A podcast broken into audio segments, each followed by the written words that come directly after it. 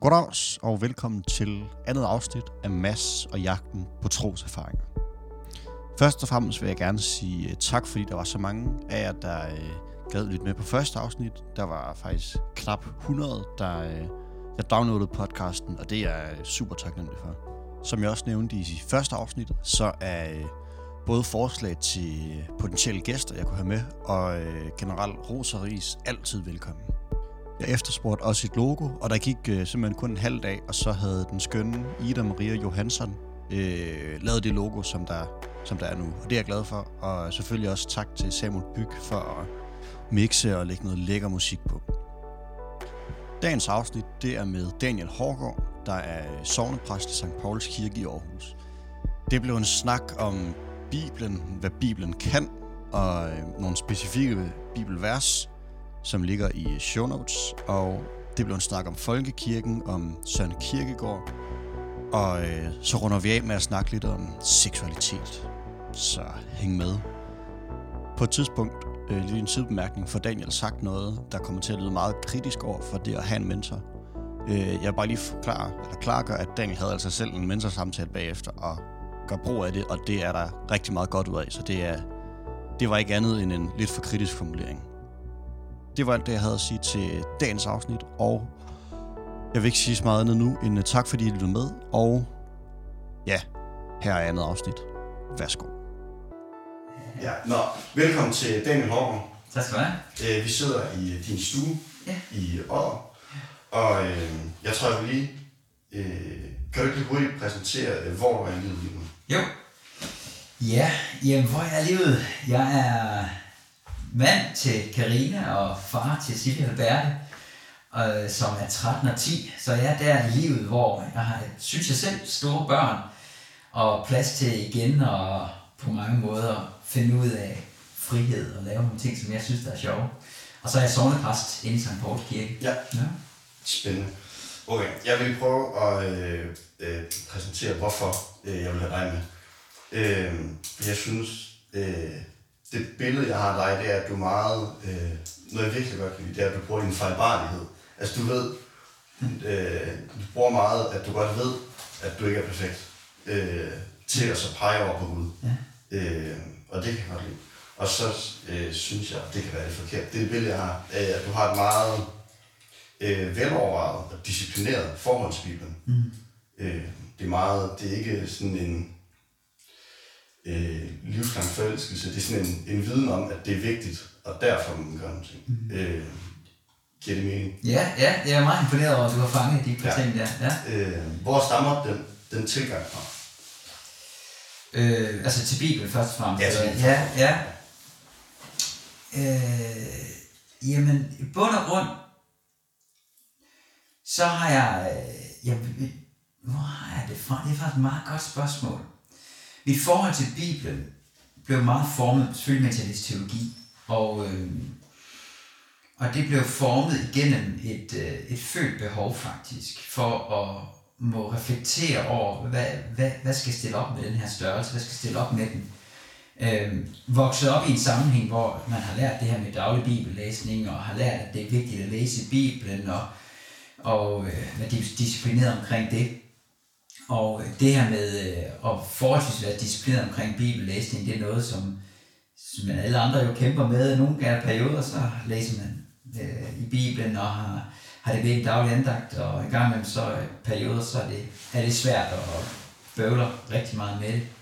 Men Bibelen er vigtig for mig, fordi at det blev et sted, hvor min tro pludselig kunne få et, øh, et sted at hvile, faktisk. Øh, Ja. ja, altså, jeg, der var en lang periode af, af, af, af, mit, af mit liv, hvor jeg længtes enormt meget efter en eller anden form for erfaring med Gud. Øh, jeg, jeg leder efter, leder sådan en, en mulighed for at øh, få sikkerhed for troen og få lov til at erfare ham. Og øh, jeg synes bare øh, ikke, at jeg erfarer noget som helst. Øh, jeg tog til møder, tog til gudstjenester og sådan noget, og det hele var sådan en oplevelse af en, en, en tavskud. Og øh, jeg, jeg havde, på det tidspunkt havde jeg det på den måde, øh, der var sådan en, en scene i Bamses billedbog, som fik lov til at beskrive det sted, jeg var. Og øh, jeg, jeg, jeg kan ikke forstå, hvorfor, men det var det, sådan, der kom til mig. Det er sådan tit, der er den her, hvor, hvor Luna og Bamse, de er to figurer, de er ude og gå, og så far de vil, og så kommer de hjem til Bamses hytte. Og så får, øh, sætter Bamse sig i sin store stol, og så sætter Luna sig, eller så får Luna lov til at sidde på Bamses allerbedste gæstetaburet. Mm. Det altid, ja. Og så synger hun den her sang. Det var ikke det, jeg ville sidde på taburet, men øh, jeg vil op til dig i bløde Bamse arme, kan man ja. sig. Og det blev sådan lidt en fortælling for mig om, sådan var det for mig at komme til Guds tjeneste og søge den her erfaring med Gud. Jeg ville så gerne op og sidde i de der bløde bamsearme, men hver gang blev det sådan henvist til gæstetaburetten. Noget, der bare var øh, ikke noget. Og, og den her længsel efter erfaring, den, øh, den fyldte mig rigtig meget, og, fyldte, fyldte, og medførte også øh, troskriser og så videre. Og, øh, og jeg følte betydelig bibellæsning i den her periode også noget, og jeg, jeg, jeg, jeg læste i den og så videre. Øh, og jeg læste i den som i, i, sådan i en søgen efter erfaring. Vil Gud må tale til mig? Så bliver det et spørgsmål, øh, må Gud vil tale til mig? Og, øh, og det var egentlig, det var, det var, det var ret tungt øh, sted at være. Jeg læste teologi, og havde egentlig forestillet mig, at jeg skulle være præst og sådan ting, men, men den her mangel på erfaring, det, den synes jeg definerede rigtig meget. Øh, det førte mig ind i en refleksion omkring, at jeg blev nødt til at tage den her Bibel lidt mere seriøst. Hvad er det egentlig, det er? Hvad er det egentlig, jeg teologisk set forstår Bibelen som? Jamen, jeg vil sige, jamen, Bibelen er Guds ord. Bibelen er åbenbaring om, hvem Gud er, og hvem vi er, og hvem vi kan få lov til at være hos ham. Det er en åbenbaring om verden.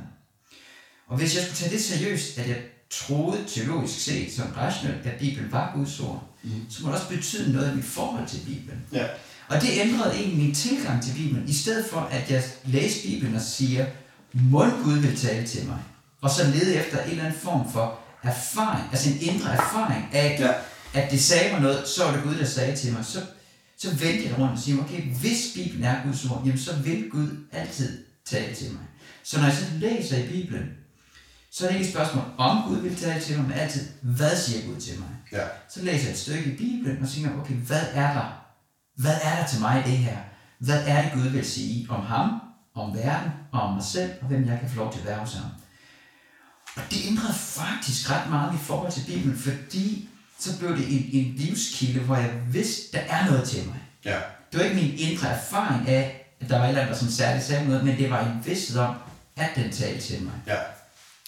Og det gjorde så, at jeg som, hvad skal man sige, tog, tog ordene øh, lidt mere ind og reflektere lidt mere over mig, så siger, okay, hvis det er Guds ord, hvad siger den så? Hvad udfordrer den hos mig? Hvad taler den så hos mig? Til mig i, i mit liv? Øhm, og det blev så også en platform for min erfaring. At sige, jamen her erfarer jeg faktisk Gud. Gud taler til mig. Gud rækker mig sit løfte og, og, og, øh, og, og gav mig en eller anden form for hvile i, i den her erfaringssøgning. Jamen, så er der her en, en ydre erfaring af noget. Øh, ja. Så det blev sådan et forhold til Bibelen egentlig, og blev forhold ja. for den, den erfaring, den periode der. Fedt. Øh, var der nogle øh, steder, i, altså nogle konkrete steder i Bibelen, som øh, åbnede, den, åbnede det op for dig, eller var, var der nogle mm. konkret, jeg ved ikke, vers eller kapitel? Jo, jo, jo, man, man, man kan jo sige, man kan jo sige, at der var sådan flere ting i det. Øh, I den der periode, hvor jeg ledte efter erfaring, der havde jeg også lidt dårlig samvittighed over. min tror skulle ikke bygges på erfaring og sådan noget ting. Øh, så, så det, var, det var det, jeg var opdraget til, at øh, erfaring, det, det, det bygger troen på. Troen bygger vi på vores øh, på Kristus og på noget andet, og erfaring, den, den er usikker. Og det, det, men så jeg havde også lidt dårligt samvittighed over den her store længsel efter erfaring, for det burde jo ikke føles så meget. Øh, men øh, øh, der, der var et sted, som, altså hvor at, øh, Altså der, hvor, hvor, hvor Moses, der er i Janmos bog, der ikke også, hvor Moses han snakker med Gud, efter at øh, jøderne, israelitterne igen havde, øh, hvad skal man sige, øh, efter guldkalven har lavet bøv, de er kommet ud i Ægypten, og så har de igen fejlet deres øh, bestemmelse som folk. Og, øh, og så siger Gud, nu kan være det nok, nu sender jeg dig afsted, Moses, øh, jeg starter forfra med dig, og, og så videre. Og, og Moses, han, han battler lidt med Gud om, siger, nej, hvis, øh, hvis, øh, hvis, hvis, hvis, hvis, hvis, hvis du ikke går med herfra sammen med os, så, øh, nej, det er det, han siger, nej, det, det der, nej, nu rød jeg rundt i, for det, på det tidspunkt, der siger, der, siger, der siger Gud til Moses, nu skal du gå, hvis jeg går med videre, så ender jeg med at udradere jer alle sammen. Og, og, så, og så siger Moses, at du skal gå med, og så videre, og så videre, du må ikke efter det. Og så får han tvunget Mo, øh, Gud for Moses, for argumenteret over for Gud, at han skal gå med dem videre. Og så, og så er det den, og det der frem, så siger, og så efter for at Moses skal få sikkerhed om, at Gud går med, så spørger han efter den mest dristige bøn i Bibelen. Han siger, lad mig dog se din herlighed. Ja. Moses, som havde set alverdens ting og sager, han har fået kæmpe erfaringer. Han lige trænger ind for at få sikkerhed om, at Gud gør med. Lad mig dog se din herlighed. Og den, den bøn, den gav mig en frimodighed til at sige, okay, hvis Moses, han, han kan tillade sig at bede den bøn, så kan jeg vel også tillade mig at bede om at få lov til at se mere af Gud og få erfaring mere af Guds, Guds herlighed. Men, men jeg havde det egentlig bare som en, der, som jo, som kunne tale om, at kunne høre rygter om Gud og sådan ting.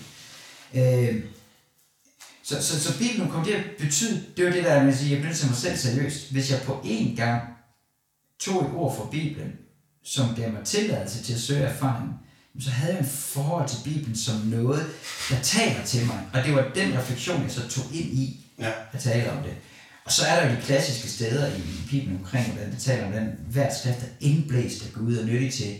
De steder er det, der var med til, at, altså til, til undervisning og til, til opbyggelse osv. Altså Ja. ja. nogle af de steder, som, som, som, som understøtter det der bibelsyn med, at, det er Guds ånd, der, der er i skriften og taler igennem skriften. Ja. Øh, fedt. Øh, er der andre steder i Bibelen, som har haft en, øh, en, en betydning i dit liv, eller som har... Mm. Det er der nok helt sikkert. Men Ja, er der, er der ja. nogle, nogle specifikke, som, hvor som du tænker, det var... Det kan noget, det her. Ja, jamen der, ja, der er mange. Øh, så sådan lige, sådan lige highlights, hvad de gode, de gode, Ja, de gode steder. Ja. Ja. Jamen, der er to, der er to steder øh, i Nye Testamentet, som er helt øh, afgørende for mig. Øh, to helt afgørende steder.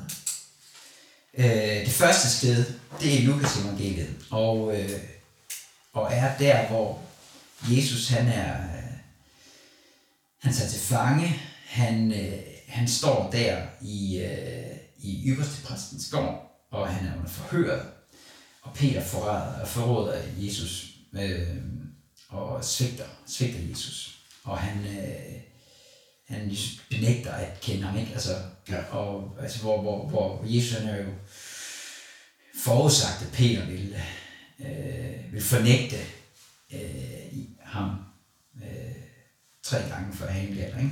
Og, øh, og det havde Peter sagt, det ville han aldrig nogensinde gøre, men det ender han jo med at gøre, som vi ved. Og der er der et fantastisk sted, hvor at, øh, at Jesus han vender sig om og ser på Peter. Lige der, hvor Peter han svigter. Lige der, hvor Peter han benægter, at han kender Jesus. Hvor han øh, ja, fornægter sit kendskab til, til Jesus og, fornægter sin herre og mester. Det er virkelig, det er lavt på i Peters liv, ikke? Altså det, der definerer Ja. det der svigt der. Det, at Jesus ser på Peter, ser ham, hvor han svigter. Og han fastholder blikket. Han fastholder det, at han ser Ja. Peter. Øhm, og det gør ikke, at han vender ansigtet væk. Mm. Det gør ikke, at han... Øh, så at sige, jeg tror, at mange af os, vi, hvis, hvis vi ser en erfaren ven, som svigter os, eller en kære, som svigter os i en grad, så, så afbryder vi relationen. Vi kigger væk. Vi kigger ned på. Vi kigger forbi. Vi er sådan fastholder relationen. Det er så sammen, samlet sammen med det, når Jesus så møder Peter efter opstandelsen og bekræfter relationen til ham, ikke også? Elsker du mig? Bekræfter relationen. De to ting er helt afgørende for mig. det at et, Jesus ser mig i mit svigt. Ja. Jesus ser det, og han vender ikke ansigtet væk. Jesus ser dybden af der, hvor jeg er, men det gør ikke, at han afbryder relationen. At relationen til ham kan faktisk tåle at se mig, der var allermest ussel. Ja. Øh, og på, det, var, det, det er afgørende for mig, at, øh, hvad skal man sige, det kendskab, som Jesus har i dybden til mig, at han, på trods af, at han kender mig, ved dybden øh, af de ting, der foregår i mit hoved og mit hjerte og i mit liv, så vender han ikke ansigtet bort, men han fastholder blikket, fastholder relationen, Ja. Og fastholder relationen i en sådan grad, at han jo ender med at gå i døden for mig, for at fastholde, at Ja. vi kan tale om kærlighedsrelation bagefter. Så det der blik der, det er vigtigt for mig. Og det, det er vigtigt for mig, at, at, at, at, at, at Jesus er til stede hos mig, også i svigtet. At det så at sige ikke er, er i svigtet, at når man så vender Jesus ansigtet væk, og så er relationen så at sige brudt, og så Ja. kan vi så fikse det igen bagefter. Men ja. selv der er Jesus med ind i det, Ja. og kender dybden. Det hjælper mig til at, øh, jo, jo, og det er som jeg plejer at stå ved mig selv. Ja. Stå ved mig selv, også de sider, som jeg egentlig ikke har lyst til at stå ved. Ja. Det blik der, det, det hjælper, fordi Jesus står ved mig Ja. i det der, så hjælper det mig til at stå ved mig selv. Det er ret afgørende. Ja. Og det næste afgørende punkt for mig i, i, i sådan hele, som jeg synes er fuldstændig mindblowing, det er i uh, Johannes kapitel 17, hvor, Jesus, hvor vi har Jesu øverste præstlige Ja. bøn. Det er lige inden Jesus han uh, bliver korsfæstet, der, uh, der er han, uh, der beder han bøn, og vi får se dybden ind i, i relationen til faderen, altså Jesu relation til Gud. Og øh, der, hvor han er desperat, så beder han for disciplene. Og han beder for, at, øh, at de må være et. Og han beder for, at Gud må passe på dem. Og så beder han det her, i Johannes 17, 21, der siger han det her, der beder han, at de alle må være et, ligesom du, fader, er i mig, og jeg er i dig. At de må være i os. Og øh, den bøn, synes jeg er ret fin, ikke? Fordi ja. han der taler om den enhed, som sønnen har med faderen, som har været fra evighed af. En kærlighedsrelation, der har været fra evighed af. Og så at vi må forstå, at vi skal være i dem. Det beskriver, hvad det vi egentlig var skabt til at være, og ja. være i treenighedens fællesskab. Det beskriver det, som Jesus længes efter, at vi må finde tilbage i det fællesskab. Ja. Og det beskriver sådan set også det, Jesus han kæmper for. Og hvad dybden i det, han går ind i. For netop han går ind i, altså ham, som har fra evighed af, har kendt at være et med faderen. Ja. Han er far på korset. Men Gud, Gud, hvorfor forladt mig? Så han, der treenigheden brydes. Ja. Relationen brydes med det ene formål, at vi skal finde tilbage i relationen. Så målet med korset, målet med alt det, Jesus gør, målet med os, det er, at vi må finde tilbage ind i det her fællesskab. Enheden med faderen og sønnen og helligånden. Ja. Det er mindblowing for mig. Det er ja. mindblowing i forhold til, til, til den... Hvad, hvad, hvad er kristenlivet? Kristenlivet er at finde tilbage i det fællesskab. Det er at finde tilbage i, at, at Gud kæmper og gør alt for, at vi må leve der og være der. Ja. Ja, fedt. Det er som, som to helt afgørende punkter. Ja. Mm. Det første der, hvor står det henne? Øh, Ja, men det er, det er Lukas, øh, jeg vil sige 24 stykker eller sådan noget. Okay. Ja. Bare så. Ja, okay. Det er egentlig sidste kapitel af Ja. Lukas. Tjek. Sådan, øh, så kan man selv så det op. Ja. Øhm, ja, og øh, jeg tror lige, vi øh, skifter lidt emne. Øh, som du sagde, du arbejder i St. Pauls Kirke nu. Ja. Øh, og har været i Odder Frimenighed. Ja. Øh, hvad er det, folkekirken kan, som ikke nødvendigvis som frimenighed ikke kan, hvad er det, folkekirken særligt kan? Og det er et minefelt, du leder mig ind i. Øhm, ja, hvad det kan? Jeg vil hellere fortælle dig, hvorfor at jeg valgte at skifte fra frimenighed til, øh, Gerne. til folkekirke. Endelig. Og så, øh, Og så, øh, og, så, og, så, og så kan vi prøve at sammen se, hvad, hvad, hvad kan vi tro, vi kan? Ja. Hvad, hvad kan, vi kan finde ud af, hvad, hvad vi fornemmer, vi kan? Yes.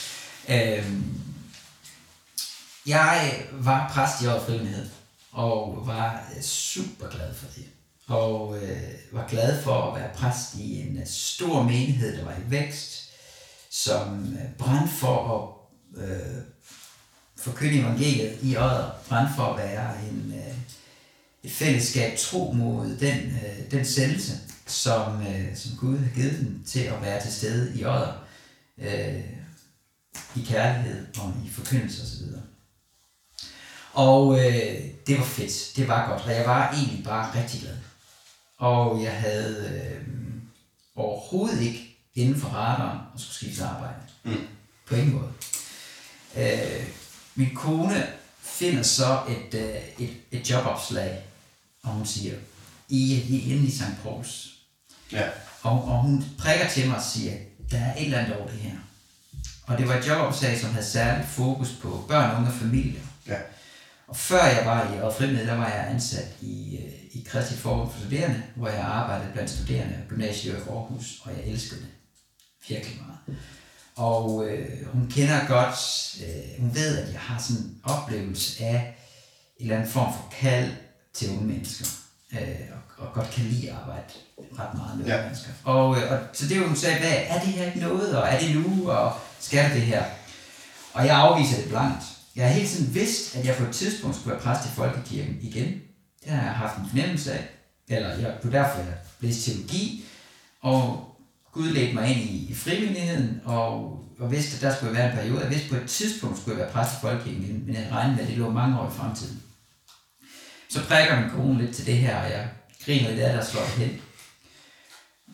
Og man får så et opkald øh, fra nogen inden fra, øh, fra, øh, fra St. Pauls, som kender lidt til mig fra min tid i KFS, og, og spørger, hvad er det her noget?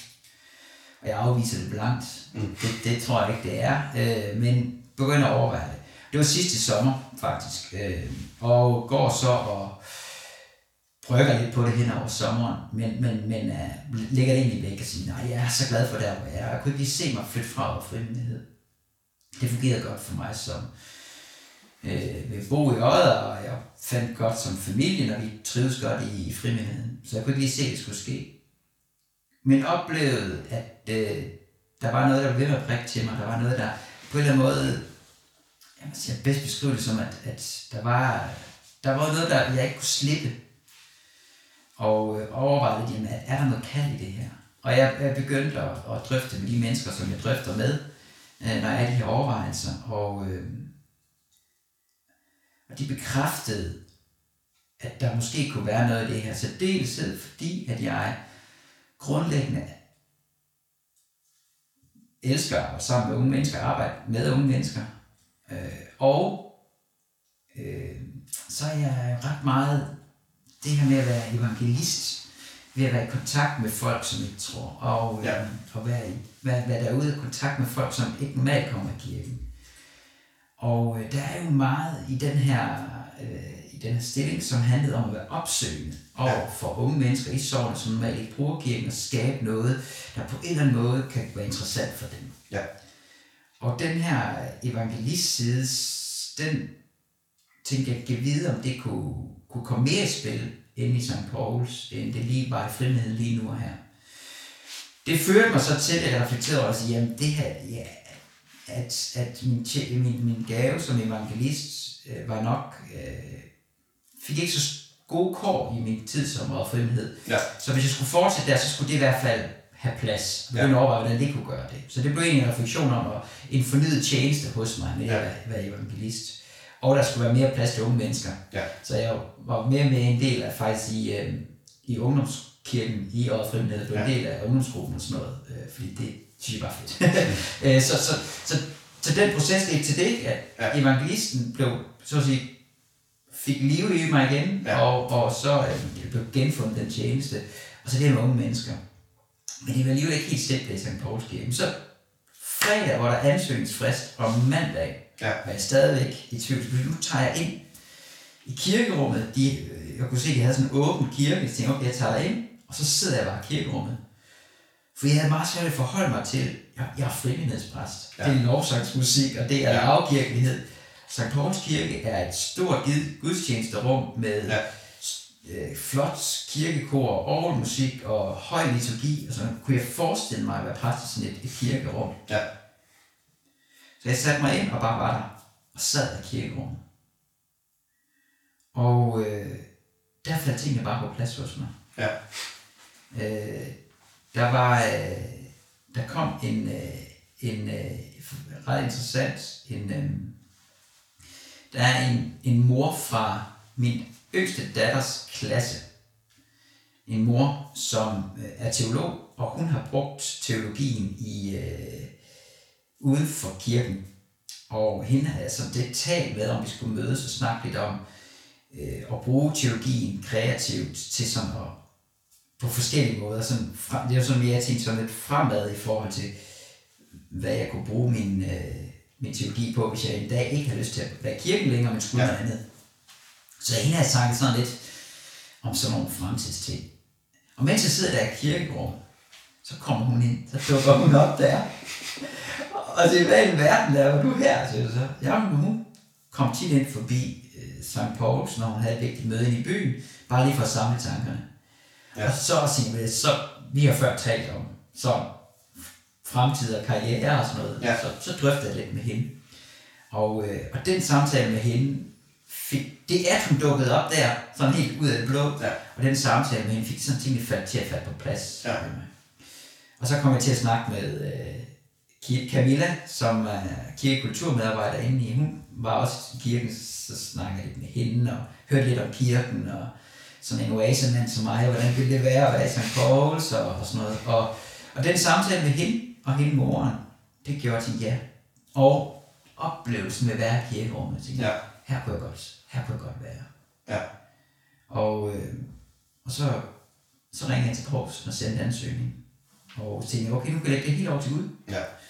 Og hvis jeg skulle være der, jamen så, så ville han ikke det til rette. Der var et stort menighedsråd, der skulle overbevise sig om, at det var en god idé at få sådan en dansk oase frivillighedsfyr til at være, være præst derinde. Ja. Og på en eller anden måde, så fik jeg dem snydt. Så de valgte at ansætte mig. Og nu hænger de så på mig derinde. Og øh, ja, jeg synes simpelthen, det er fantastisk. Og, og så spørger spørg, spørg, hvad, hvad kan det? Og det er det, jeg er ved at finde ud af. Ja. Hvorfor er det? Jeg oplevede klart, at Gud kaldte mig, da jeg ledte mig ind i St. Pauls Ja. Og spørgsmålet er, hvad, hvad er det, det kan? Hvad, hvad, er det, hvad, hvad er det, det skal kunne at være der? Øh, jeg oplever, at, øh, at jeg får lov til at være en del af et bredere kirkeligt miljø, som jeg stort trives i. Ja. Kommer i kontakt med, øh, ja, det, det, ja, det brede folkekirkelighed. Det, det synes jeg er, er skønt og er godt. Jeg oplever, at, øh, at jeg nemmere kan komme i, jeg kan nemt komme i kontakt, altså det er nemt at komme i kontakt med folk Ja. som sovnepræst. Der er sådan nogle døre, der åbner sig. Øhm, lige her til morgen har jeg øh, skrevet med øh, en fra en rektor fra Sankt, øh, hvad hedder det, Marcelsborg øh, Gymnasium om et samtaletilbud, som jeg som, som, som sovnepræst gerne vil række ud til gymnasiet, bare Ja. samtale med gymnasieelever. Ja, ja. Hun svarer inden for fem minutter og siger, det lyder godt, det sender vi videre ud. Så, så på den måde, der er en åben dør, Ja. øh, som jeg øh, ved at finde ud af og, og arbejde med, hvordan kan det så se ud. Ja. Jeg skal til at arbejde med øh, nogle flere, øh, ja, flere tilbud i kirken, som på den måde arbejder med det her. Og det er det, jeg bruger tid på lige nu at finde ud af, hvad, hvordan åbner det, at nu er folkepræst, hvordan åbner det døre videre ud i sovnet? Hvordan udlever vi det, at vi er, det, at vi er sendt til, til Aarhus, sendt til, øh, til unge mennesker i Aarhus? Hvordan, hvordan gør vi det? Ja. Der, der, synes jeg, det er spændende. Altså, jeg har sådan en stilling, hvor jeg halvtids sovnepræst, hvor der er ting, jeg skal. Så har jeg en halvtidsstilling, som er udefineret. Ja. Så jeg kan bruge til, hvad jeg vil. Ja. Jeg kan lave de gudstjenester, jeg vil, de former, jeg gerne vil, de, de aktiviteter, jeg gerne vil. Og alle de aktiviteter, de skal på en eller anden måde have et, øh, et, et missionalt sigte til at nå unge mennesker og unge familier. Ja. Og det er det, jeg er ved at, at udforske nu, og invitere folk med ind i og sige, hvad, hvem vil være med? Hvem vil være med Ja. til at, at, at, bruge de her muligheder til at, til at nå unge mennesker? Øh, så de kan lære Gud at kende. Ja. Fedt. Øh, øh, du sagde, at sel- selve det at være inde i kirkerummet, ja. øh, åbnede, eller gav dig noget Ja. andet. Kan du ikke prøve at uddybe det? Jo, Jamen, og det er jo det, som jeg selv at opdage nu her. Ikke? Øh, jeg, jeg, jeg, ved, jeg tog... Jeg blev dels sagt Pauls kirke, jeg troede, det var sådan meget sådan for det evangeliserende, for det missionale. Der, der var mulighed for det øh, i den folkekirke derinde. Øh, og så er jeg også ved at genopdage, hvad det faktisk liturgien kan. Hvad er det, hvad er det, hvad er det, hvad er det rummet kan. Ja. Øh, og det kan faktisk noget i forhold til den, øh, jamen jeg vil beskrive det som øh, en væren. Jeg kan træde ind og bare være. Der er en liturgi, som, hvor, som driver gudstjenesten frem. Der er læsninger, der er salmer, der er musik. Der er et rum, der er designet til, at jeg bare lige kan være. Og alt den her ydre, som er mange- på mange måder ydre ting, det gør noget ved en eller anden ro hos mig. Det kobler mig fra hverdagen og dagligdagen, og giver mig plads til at lande hos mig selv. Øhm, og altså, vi, det er jo ikke nogen hemmelighed, at vi lever i en kultur, der er meget orienteret omkring mod præstation. Der er meget, vi skal. Ja. Øh, Jeg hørte en, en ungdomsforsker, der sagde, at et hvert ung menneske med deres CPR-nummer har de et CVR-nummer. Og med det mente hun, at et hvert ung menneske er et, er et produkt, de skal Ja. ja. sælge. Man skal ud og præstere, man skal, man skal sælge sig selv, sin, sin øh, ja, hvem jeg er, skal sælges så, så, så at sige, så jeg oplever mig accepteret. Jeg skal så at sige mit eget brand. Jeg Ja. skal, øh, om hun har ret i det, det ved jeg ikke, men jeg tror i hvert fald, at det, at det signalerer noget om den, den, den kultur, vi har bygget op om os. Vi skal præstere, der er meget, vi skal yde, der er meget, vi skal gøre. Og jeg oplever, at det kirkerummet kan, det som liturgien kan, det er, at her er der ikke noget, du skal gøre. Her er, noget, her er et sted, hvor du bare skal være. Der er en større sammenhæng, du bare skal glide ind i Ja. og tage imod. Og, øh, og det skaber en, en, en, en, en, en lomme for refleksion Ja. den her væren. Øh, og så synes jeg, der er andet over i, at, at, i, i, at, at, at det er en liturgi, som er, er prøvet over århundreder. Der mennesker har hvilet i det her i Ja. århundreder. Og bare været i det. Og der er et eller andet i det, som, øh, som jeg er ved at øh, undersøge og finde ud af, hvordan jeg forholder mig til. Og det, det kan et eller andet.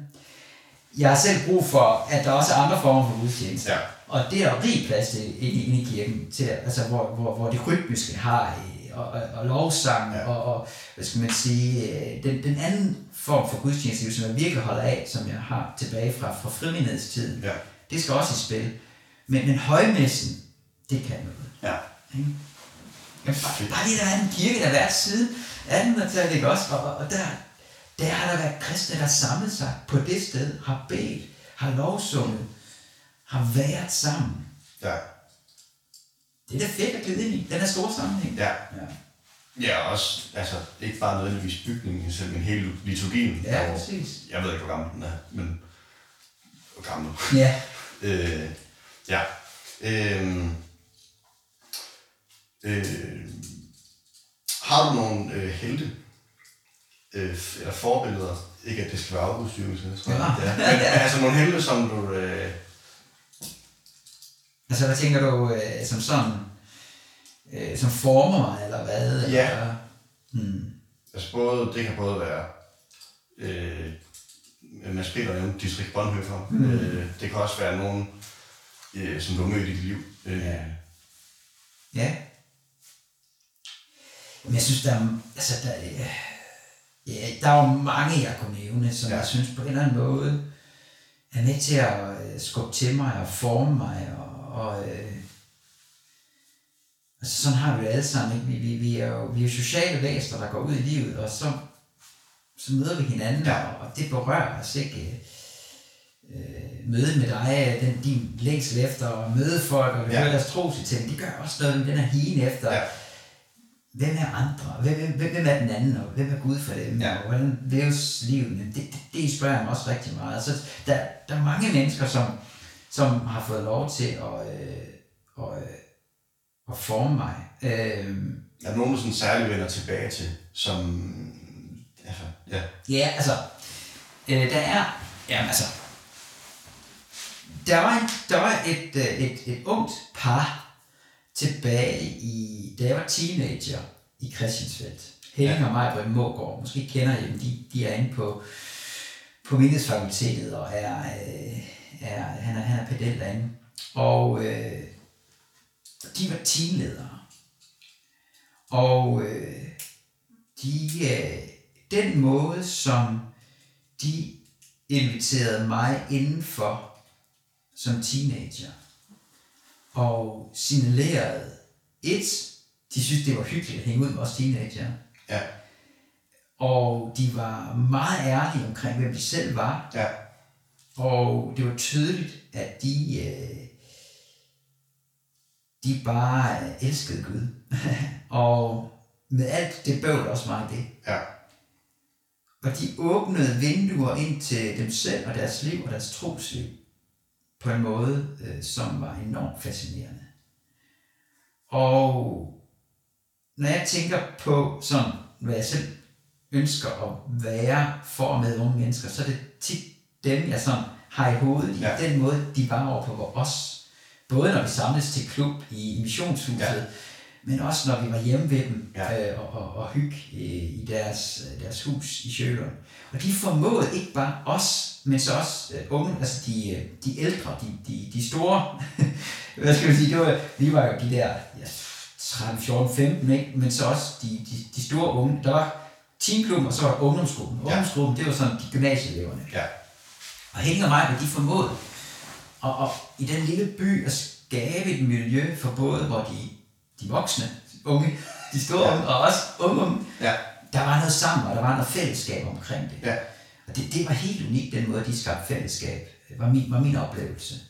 Øh, og øh, ja, og det, så de er helt klart helte. Så, øh,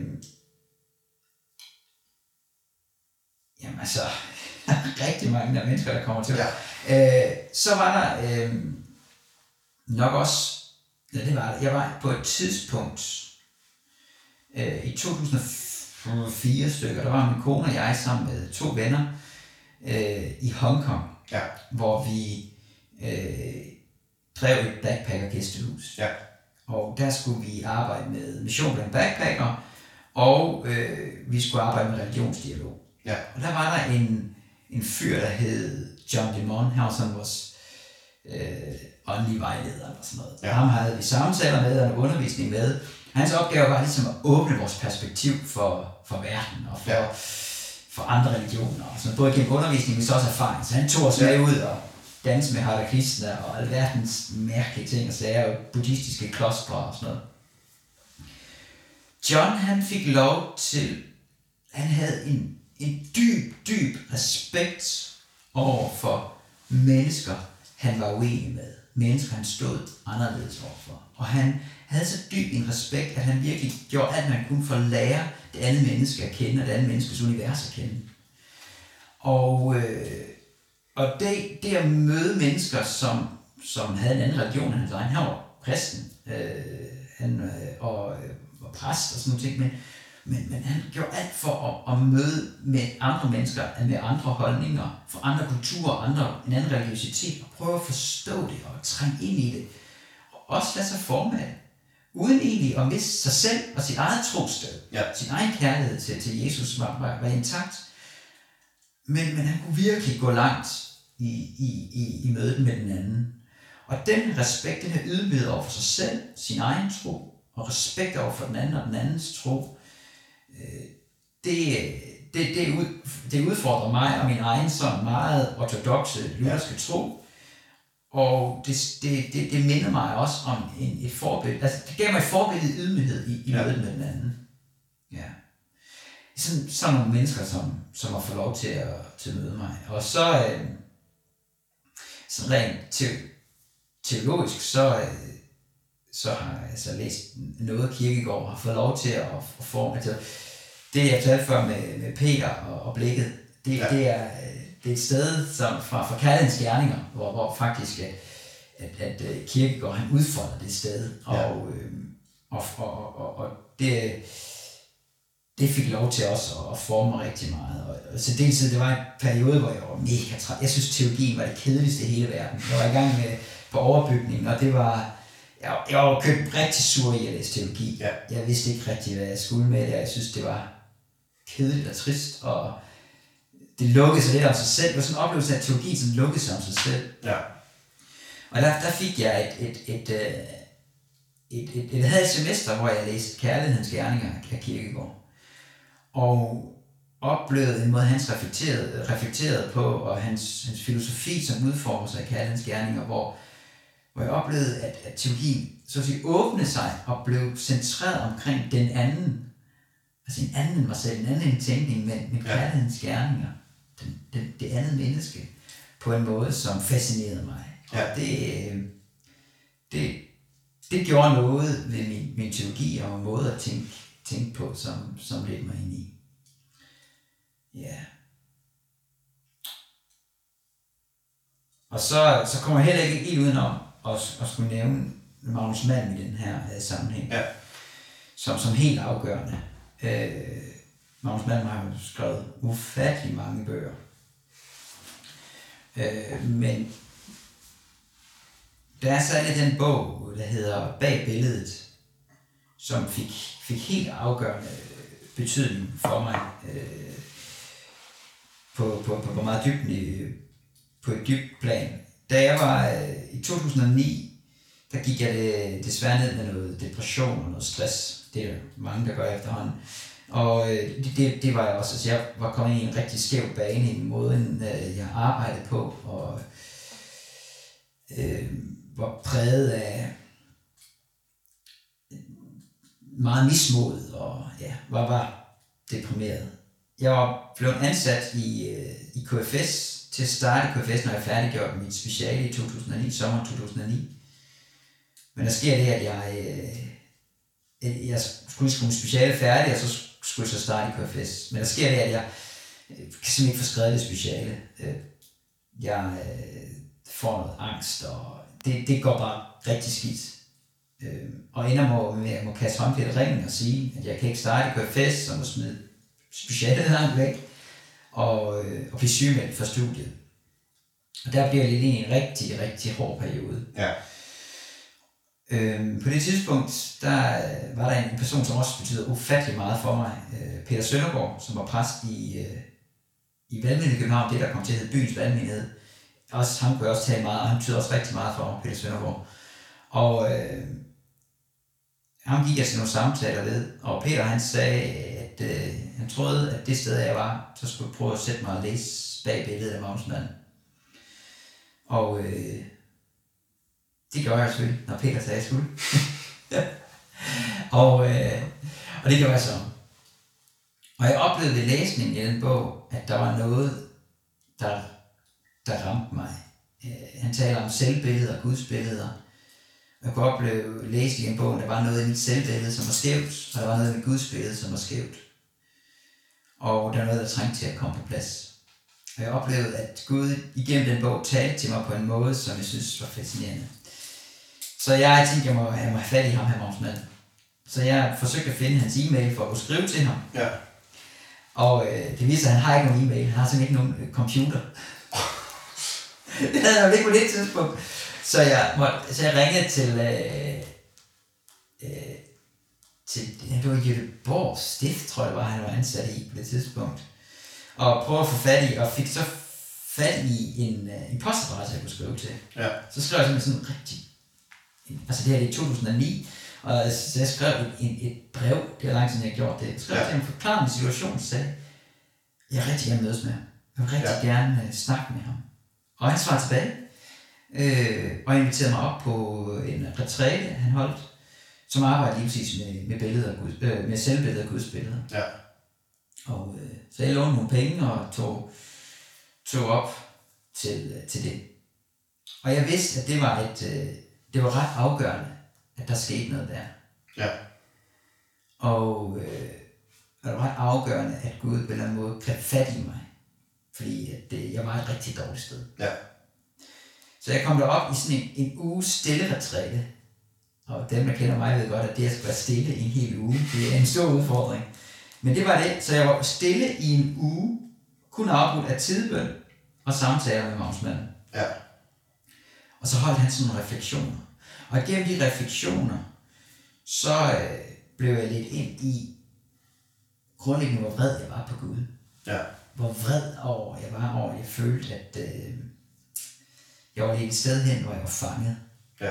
Jeg var fanget hos mig selv, jeg var fanget i min tro, jeg var fanget i alt det kirkelige. Jeg, jeg følte mig virkelig bundet. Ja. Øh, og igennem, øh, igennem samtaler og refleksion og stillhed, så oplevede jeg, øh, et, jeg oplevede Gud faktisk tale til mig, gav mig lov til at være vred igennem det her. Og jeg fik sat ord på min vrede, og fik lov til at, at møde og sætte ord på nogle ting, som virkelig var begravet dybt hos mig. Og igennem samtalerne, det er det, som, som, som Magnus Mann gjorde, han gav mig lov til at være vred. Ja. Han gav mig lov til at, hvad skal man sige, tage mine egne følelser seriøst, og min egen længsler seriøst. I en sådan grad, at jeg skulle lytte til dem, reflektere over dem. Ikke fortrænge dem, men spørge dem, hvad, når jeg nu har det sådan her, når jeg nu tænker sådan her, hvad betyder det? Det er ikke bare noget, jeg skal bekende eller forsage, men faktisk lytte til, hvad er det egentlig, min vrede fortæller om mig, min relation til Gud og min omverden. Og øh, de der samtaler, det, det var med til at, at, at, at forløse rigtig meget hos mig selv. Og kunne give mig noget at arbejde videre med i mit eget selvbillede og mit gudsbillede. Og øh, noget af det, som jeg virkelig tog med, både når jeg har læst Magnus Mann, men også de samtaler, det er det at øh, kunne tage mig selv seriøst.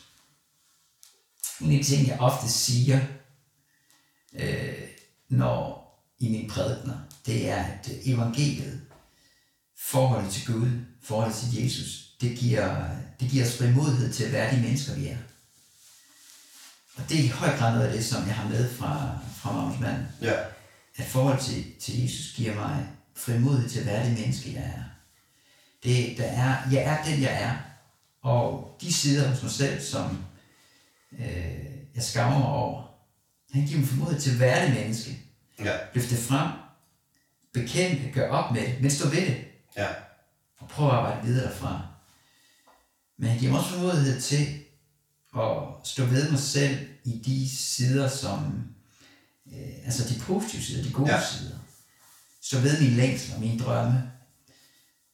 Og det, det er helt afgørende, både for, for den jeg er, det, det forhold jeg har til mig selv, men også meget i, i, i det, jeg synes, jeg, jeg har lyst til at formidle til unge mennesker, Ja. og til mennesker i det hele taget, at evangeliet giver os frimodighed til være dem, vi er. Det giver os frimodighed til at stå ved os selv. Ja. Med, med, med alt, hvad det selv rummer.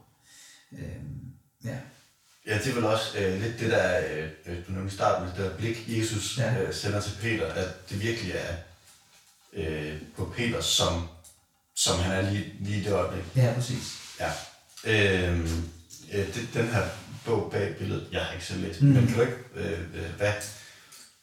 For jeg tror, der er, øh, jeg har helt sikkert også selv haft et skævt, eller har mm. helt sikkert stadig, men øh, billedet af, øh, hvem Gud er, og ligesom, altså, jeg har da, da jeg var yngre, selvom nu ikke, ja, men altså, øh, haft et billede af, at, at ja, ja, jeg ved godt, at jeg er frelst uanset hvad, men, men det kan jo ikke helt passe, agtigt. Øh, så hvad, altså, hvad handlede den bog om? Hvad var det, der gjorde, at, at, ja. at billedet blev vendt, hvis man kan sige? Ja. Han har en ret stærk illustration, hvor han taler om at bo i to huse. Ja. Han taler om at bo øh, i det hus, som er os selv. Som øh, alt det, vi, vi, vi, vi skammer os over, alt det, som vi, øh, hvad skal man sige, øh, os selv for så vidt. Som et flug, som vi engang, når vi kigger på det, så, så gyser vi og har lyst til at stikke af fra det. Så er der det andet hus. Det ydre hus. Det fromme hus. Det rigtige hus. det der hus, som, øh, som har styr på, som, som, som det, det billede, vi egentlig gerne vil portrættere ud til. Ja. Det, som vi har lært, at det, ja, det er pæne og ryddelige. Ja. Og en gang imellem, så i vores kirke, så får vi dyrket en sådan rigtigheds- og pænhedskultur. Ja. Og den her rigtighed og pænhedskultur, kan vi så også bilde os ind, at det, som Gud er interesseret i, det er det der pæne hus. Det, som vi faktisk vil protestere over for alle andre. Det, som fungerer. Og det er også ud fra det hus, vi taler, vi beder til Gud. Ja. Ud fra. Vi taler fromt til Gud. Pænt til Gud. Ja. om de rigtige ting.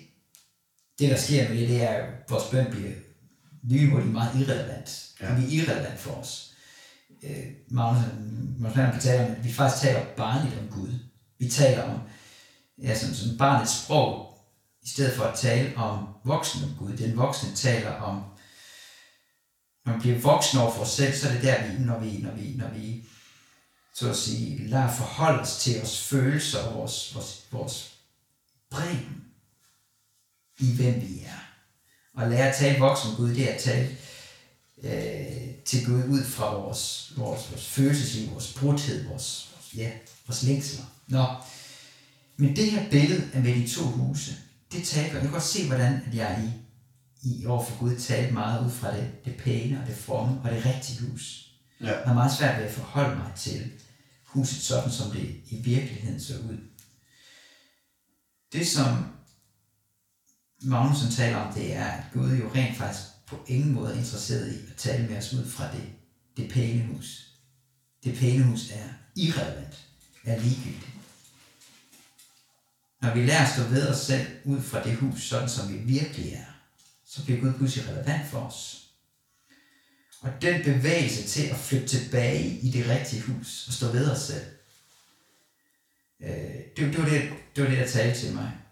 Og, øh, og, og, og, og grunden til, at vi jo kan bilde os ind, at, at, at Gud er interesseret i det pæne og det rigtige, det er jo, det er jo formet af alle de Guds billeder, vi, vi får, vi får, hvad hedder det nu, øh, vi bliver præget af igennem hele vores opvækst og gennem den forkyndelse, vi står i. Ja. Så, så, så det at arbejde med de to huse, det, det, det, det vil sige, det bag billedet handler om. Så vi kommer bag billedet af os selv i forhold til det, men også bag det gudsbillede, som vi har lige foran os, og prøver at få det smadret og komme til den sande Gud. Ja.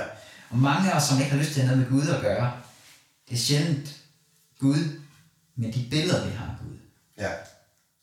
som, som, som, hvor Gud bliver irrelevant for os, og Gud bliver den, der vil have os til at være noget andet end os selv. Ja. Den Gud, som, som vi synes, ja, for, for Gud, som, som han er, øh, sætter os fri. Ja. Hjælper os til at forholde os til os selv. Den, den der rummer bare øh, så meget glæde over, over livet og omkring os selv. Og, ja. Ja. Og hvordan øh, får man så, for jeg synes da også selv alene bare, jeg, da jeg bad for det her i bilen på vejen op, der tror, jeg- der tror jeg faktisk mig selv i, at, altså hvad er det, hvad er det for nogle formuleringer? Altså det er sådan helt, det sidder bare på ryggraden, og det betyder mm. ikke rigtig noget. Hvordan får man det, altså hvordan beviser man det rigtige hus? Eller altså, sådan, du gerne blive konkret, men også flyvsk. Altså hvordan får man vendt det om inde i sit eget hoved? Og i sit eget, ja.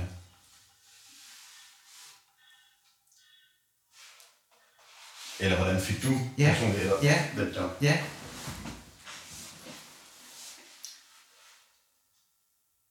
Der er noget, hvor vi skal stanse flugten fra os selv. For en grund til, at vi måske taler irrelevant over for Gud, det er også et eller andet sted, at vi forholder os ikke nok, altså grundlæggende til, hvem er det egentlig, jeg er.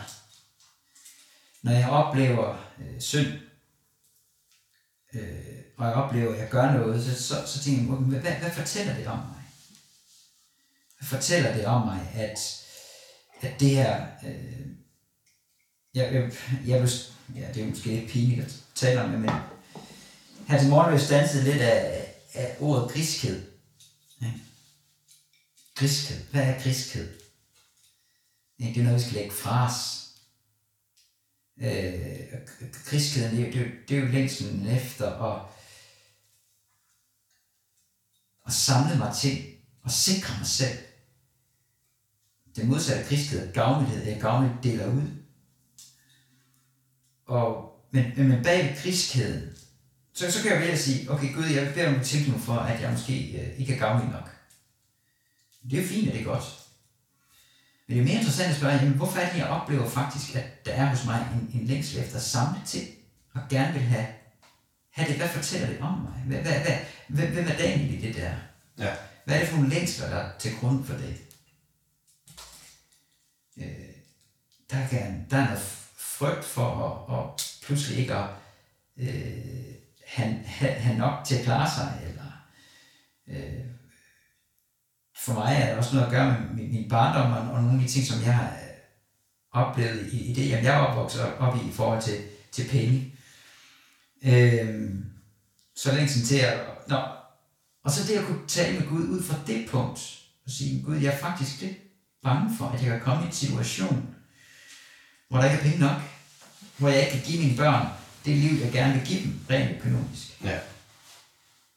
Og det er det, der gør, at jeg måske fristes til at holde, ikke at være så gavmild, som du måske kalder mig til. Der taler jeg ud fra mig selv, ud fra min egen sårbarhed og relation til Gud. Og det bliver jo et, et, et super interessant sted at gå i dialog med Gud omkring. Så, så noget af det, som... Ja, så, så det er det, jeg mener med faktisk at tage sig tiden til at gå i dybden i at sige, hvad er det i bibelordet her, som, som rører mig? Hvad fortæller det om mig? Hvad er det, min, min historie, som tager fat i det. Og så lad det være udgangspunktet til tale med Gud. Øh, jeg har haft samtaler med nogen, som, hvis de for eksempel har, øh, har problemer med, med, med vrede, er vrede på forskellige ting. Og en kommer til at i samtale med mig for at hjælpe med, altså fordi man har dårlig samvittighed over, man er vred, og hvis der kommer på den anden side af vreden. Og det jeg snakker om i samtalen finder ud af, hvad, hvad, hvad er du vred over? Og der, der er et svigt bag den vrede. Er, er, er det okay faktisk at være vred over det svigt? Ja, det er okay.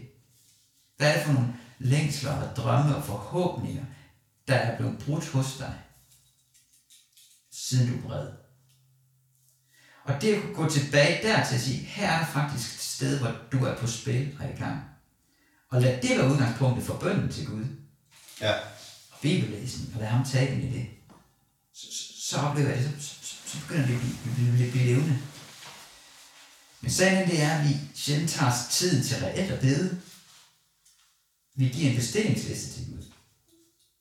Eller vi, vi, vi, vi, vi, vi, vi beder sådan om ydre ting. Vi beder, altså, ja, Magnus Mann igen, han taler lidt, når han taler om, taler barnet om Gud, så siger han, at mange af os, vores sprog, vores bønsliv stivner i, i, i barndommen. Mange af os som voksne beder nøjagtigt på samme måde, og en skammel skabelon, som da vi var børn. Ikke? Uh, vi beder for dem og dem og dem, tak for det og det, det, det. Vil du give mig sådan og sådan og sådan? Ja. Så det bliver så at sige en, en bestillingsliste. Ja. I stedet for, at, at bønden bliver et sted, hvor du er. Et er med, med dig selv, med det, der er på spil, din vrede, din skubbethed, din længsler, dine forhåbninger, øh, din suk. Og, og en gang imellem, så, så, så, så kræver det måske at, at have en, en god sjælesørger for at komme bagved det. Ja. Og det at have, se, vi unge, vi, godt, vi har mentorer, Ja. og en mentor skal hjælpe mig til at blive bedre. Skal drive mig videre eller Ja. fremad. Forskellen på en mentor og en sjælesørger, det er en sjælesørger, hjælper dig til at forholde dig til det, det nu du er, med Ja. det, der rummes i dig og dit forhold til Gud. Har ikke travlt med at få dig væk derfra, eller videre, eller præstere mere, mm. men bare lige være.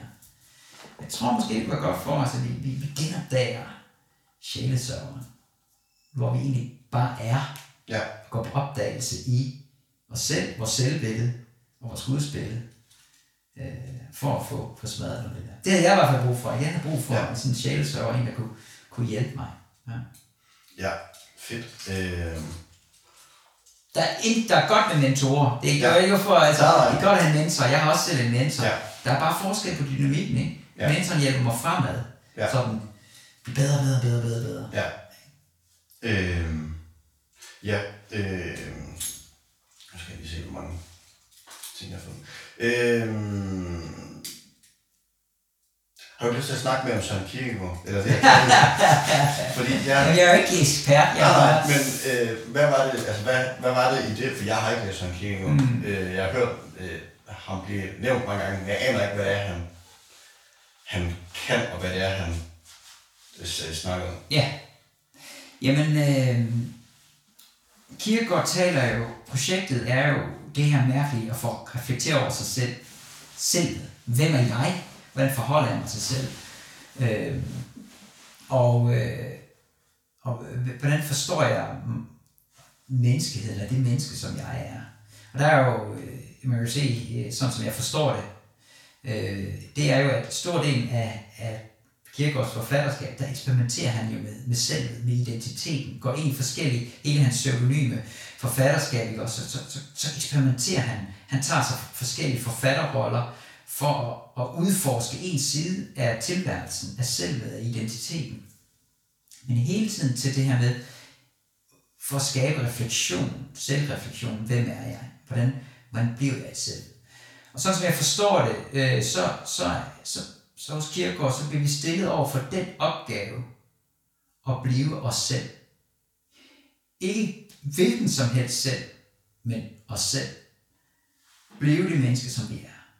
Og øh, i Sygdom til døden, som, som var, er en af hans bøger, som jeg øh, enten har skrevet speciale, efter det forliste speciale projekt, så, øh, så tænkte jeg, nu det hele også bare være lige meget.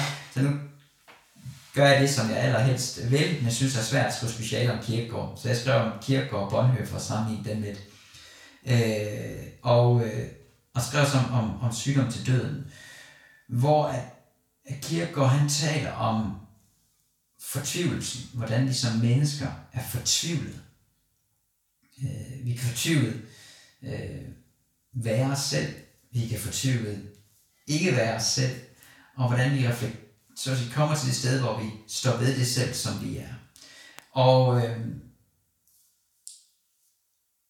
det er det, projektet går ud på i den bog. Han taler om øh, mennesket som øh, noget, som jeg synes er, er, er voldsomt interessant, og faktisk også har noget at sige til os i det. Han taler om mennesket som en syntese, en sammensat størrelse. En sammensat størrelse mellem nødvendighed og mulighed øh, tid og evighed. Så, og den ene side af selv, det er det, der begrænser os, nødvendigheden. Det, det vi nu er med nødvendighed. Og så er der muligheden, det der åbner os, og åbner selvet. Og du kan fortvivlet strande på nødvendigheden. Det vil sige, det der begrænser mig. Okay, jeg er bare det her dårlige menneske, eller det bliver aldrig bedre, eller man ser på sig selv, og finder noget hos sig selv, man gyser for hende. Wow, rummer jeg det her? Er, er jeg virkelig et menneske, som svigter? Er jeg virkelig et menneske, og så videre? Og der, der, det kan vi, så at sige, gå til grunde på den, på nødvendigheden, på det, der lukker selvet. Vi er fortvivlet på, på, på nødvendigheden. Men vi kan også fortvivlet leve i muligheden. Alt er også muligt. Vi kan være hvad som helst. Vi, reflekter, vi, vi lever bare i den her fuldstændig åbne identitet. Vi tror, vi kan være alt. Vi eksperimenterer med selv i en sådan grad, at vi forholder os ikke til, til noget som helst hos os. Og, og der er noget i vores tid, hvor vi siger til vores børn, du kan blive, hvad du vil. Du har alle muligheder åbne. Ikke? Ja. Og jeg, jeg, min, min, min, min fornemmelse er noget af det, som vi, vi kæmper med. Alt det, vi skal præstere, det er fordi, at vi har den her fuldstændig fortvivlet, åbne identitet. Vi, vi tror, vi, vi kan blive alt. Øh, og, og, det går vi til grund på. Nej, til, til det, det, det er ved sammensætning mellem nødvendighed og mulighed. Jeg kan ikke blive alt.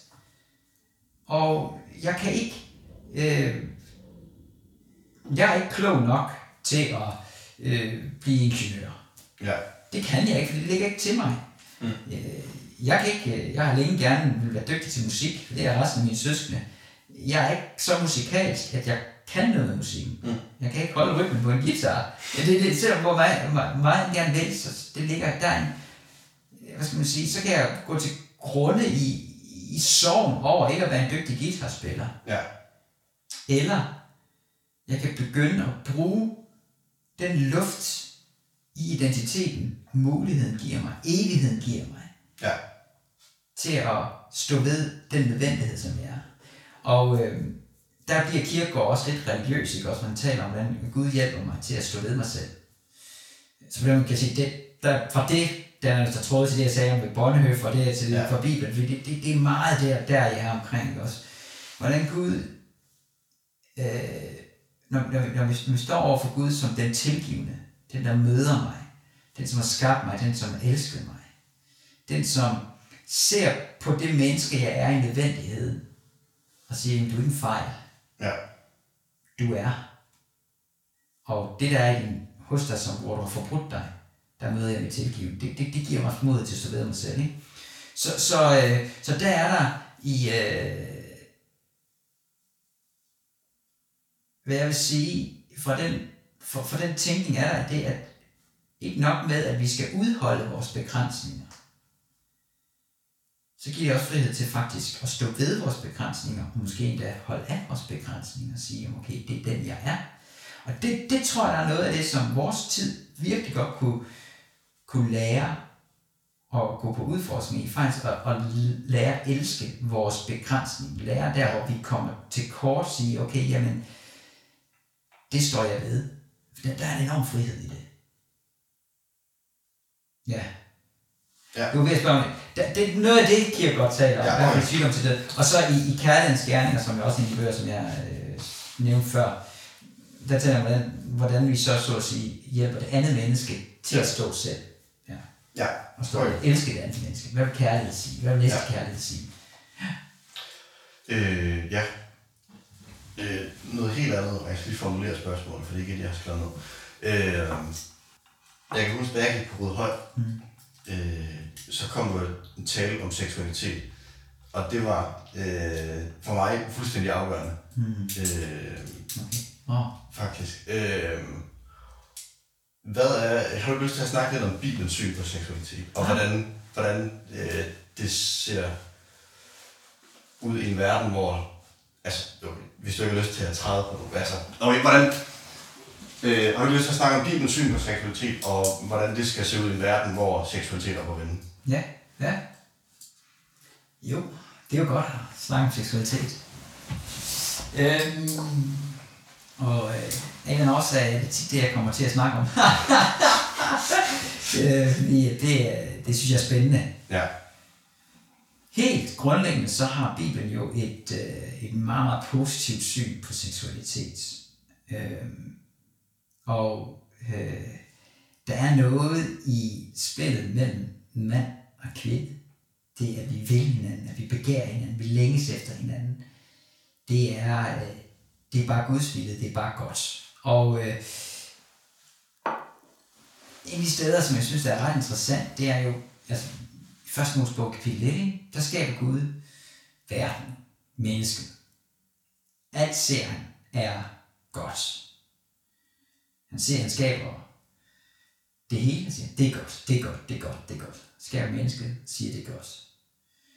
Kapitel 2, der hører vi om, som en anden måde at fortælle øh, skabelsesberetningen på, der skabes jo øh, Adam først, altså mænd- manden først.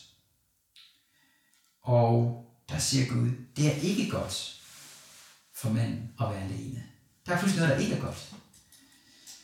Øh, så det forhold mellem mand og kvinde er noget, der er så centralt for os, at når det mangler, så selv i paradiset, hvor mennesket lever i en perfekte gudsrelation, perfekte, perfekte forhold til tilværelsen, så er det ikke godt, hvis det mangler.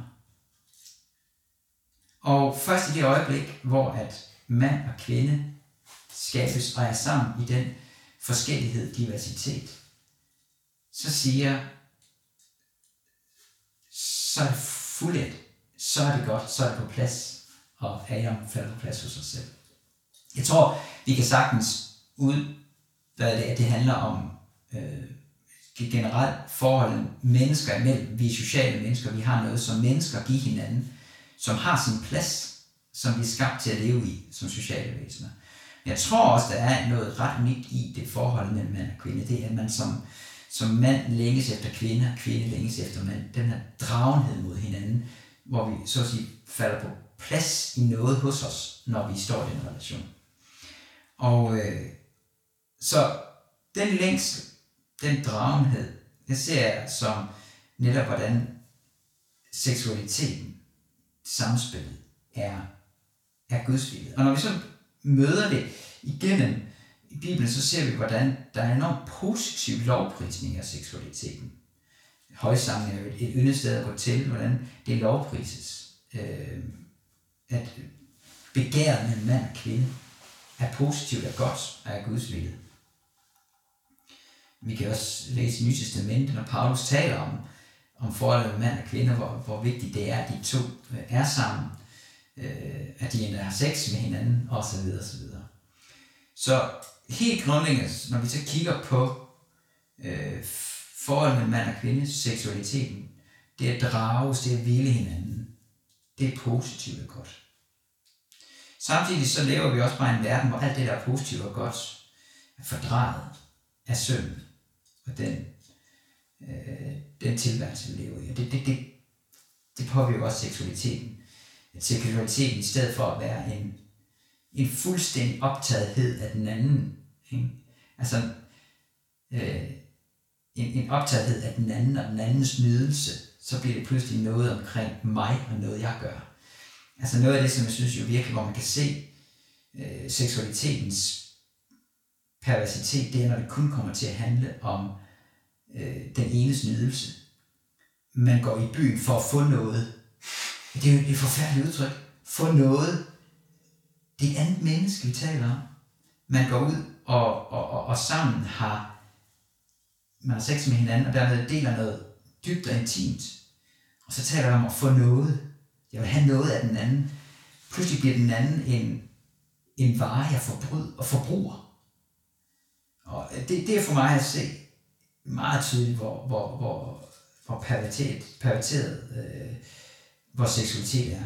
At det går fra at være noget, jeg gør for at glæde den anden, som skal bekræfte vores samhørighed med hinanden, min længsel efter den anden menneske, Øh, at jeg og min seksualitet og det, jeg gør ved dig, kan gøre, at du kan opnå en orgasme. Det er jo, det er jo smukt, ikke også? Altså, at, at jeg overfor et andet menneske, øh, min hustru, sammen kan vi være sammen i noget, hvor hun kan få lov til at opleve noget så stort som orgasme, og jeg er det samme. Det, det er stort, det er smukt, det er godt, og har den anden for øje. Men vi lever i syndens verden, hvor, hvor, hvor, hvor som alt andet, det, det, det kommer til at handle om mig, mig, mig, mig, i stedet for. Ja. Øh, ja, og hvordan forvalter man, øh, eller hvad skal man have for øje i, i at forvalte den, den seksualitet? Jeg synes, der er det at have en, en, øh, en god etik over for syn på et andet menneske. Ja. At det andet menneske aldrig må blive en forbrugsvare. Noget, jeg forbruger for mig selv. Noget, som jeg over for et andet menneske gør noget med, bare for min egen tilfredsstillelses skyld. Der er simpelthen noget i, i den anstændighed over for et andet menneske, vi skal, man, man, øh, det, det er værd at reflektere over. Ikke? Og øh, så er det også værd at reflektere over, jamen, hvad, hvad, hvad, hvad, hvad er egentlig seksualiteten? Jeg tror, Bibelens syn på, hvad sex er, det er, det er en gave til ægteskabet i den forstand. Det er noget mest, en, øh, øh, en stor udfordring, vi står på, det er, at vi vil gerne finde et menneske, vi vil gerne vil dele resten af vores liv med. Det ligger ret grundlæggende hos rigtig mange af os. Vi vil gerne finde et menneske, vi vil gerne øh, love vedkommende og være tro resten af vores liv. Vi vil gerne kaste os ud i det der livslange øh, forhold. Ja. Det vil vi gerne rigtig mange af os. Jeg tror nærmest os alle, i hvert fald mindretallet, der står foran alderet og ikke virkelig ønsker det livslange forhold. Og øh, velviden er det svært. Der tror jeg, at sex er en gave til det livslange forhold. Den forstand, at der har vi noget sammen, vi ikke deler med noget andet. Med nogle andre. At der har jeg noget, jeg pakker ud sammen med et andet menneske, som binder os sammen. Som ikke binder mig sammen med nogen som helst andre, end lige præcis min ægtefælle. Og øh, det, det, det er værd, synes jeg, at reflektere over, hvad, hvad er det? Er det en gave til mit ægteskab, eller er det først og fremmest noget, der handler om mig og min egen tilfredsstillelse? Ja. Øhm, noget, jeg gør for, for underholdningens skyld, så at sige. Øhm, fordi jeg har lyst. Ja. Sex er jo meget lystborgen, og det er jo, det er jo drifter, det Ja. er i os. Men det at kunne lære sig selv og kanalisere den drift, den længsel hen mod den partner, jeg har sat mig for at leve resten af livet med, det er en drivskraft ind i det. Men det er en besværlig gave. Jeg plejer, jeg plejer at sige, at den sex er den mest besværlige gave Gud har givet os. Fordi det er besværligt, når vi er single, og vi oplever vores drift, og vi vil gerne alt muligt. Det er besværligt, når man er kærester og forlovet, og gerne vil vente, hvis man gerne vil vente til man bliver gift, og man skal kæmpe med grænser. Og samt sus, når det ikke også er besværligt, når man så er gift, med at have øh, perioder, hvor sex kan være vanskeligt, og noget man skal Ja. kæmpe for, og noget man kan bøvle med og vanskeligt. Så på en måde er det jo enormt vanskeligt, og på en måde er det en stor gave. Så det er også noget, Ja. ja. Fedt. Øhm, Men først og fremmest skal vi stoppe med at have meget tabu omkring det. ja. Øh, det bliver... Det, det, det, at, at øhm, tror, det, tror, det er godt at for først, at vi som voksne taler med vores børn omkring, øh, hvad er seksualitet? Jeg, mine døtre, jeg har talt om sex med dem, fra da de var meget små, og stillet de spørgsmål, og let efter de der mulighed for, at, når de spørger ind til det, så vi er meget naturligt at, at kunne tale om det, og tale åbent om, hvad er det der for noget? Tale åbent om, øh, at ja, min, min hustru og jeg har et sexliv, øh, uden selvfølgelig at, men, men tale om det som det naturlige, øh, at selvfølgelig har vi det. Øhm, uden overhovedet at bryde børnenes grænser. Man skal respektere børnenes Ja. grænser i, hvad de har lyst til at tale om. Men invitere til samtalen. Øh, Nu har jeg en datter, der bliver 13, og også naturligt inviterer, eller er 13 og er på vej ind i teenage-tiden. Ikke? Og sige, hvad, tal åbent om øh, den tid, hun går ind i. Uden at tabulægge det. Og det går til hende. Det er det, som jeg taler med hende om. Det er at sige, jamen jeg har en holdning til, hvad jeg tror sex er. Og hvad det vil være godt. Men også kalde på hendes selvreflektion. Hvem er du? Hvad tænker du? Øh, hvad udfordrer dig? Og så videre. Ja. Jeg tror ikke, jeg har så meget mere. Tak fordi du øh, havde lyst at øh, dele ud af Ja. tanker. Og, Jamen, øh, det var, det var godt at være med og øh, snakke om de forskellige ting. ja, Ja, fedt. Cool. God vind med det. Jo, tak.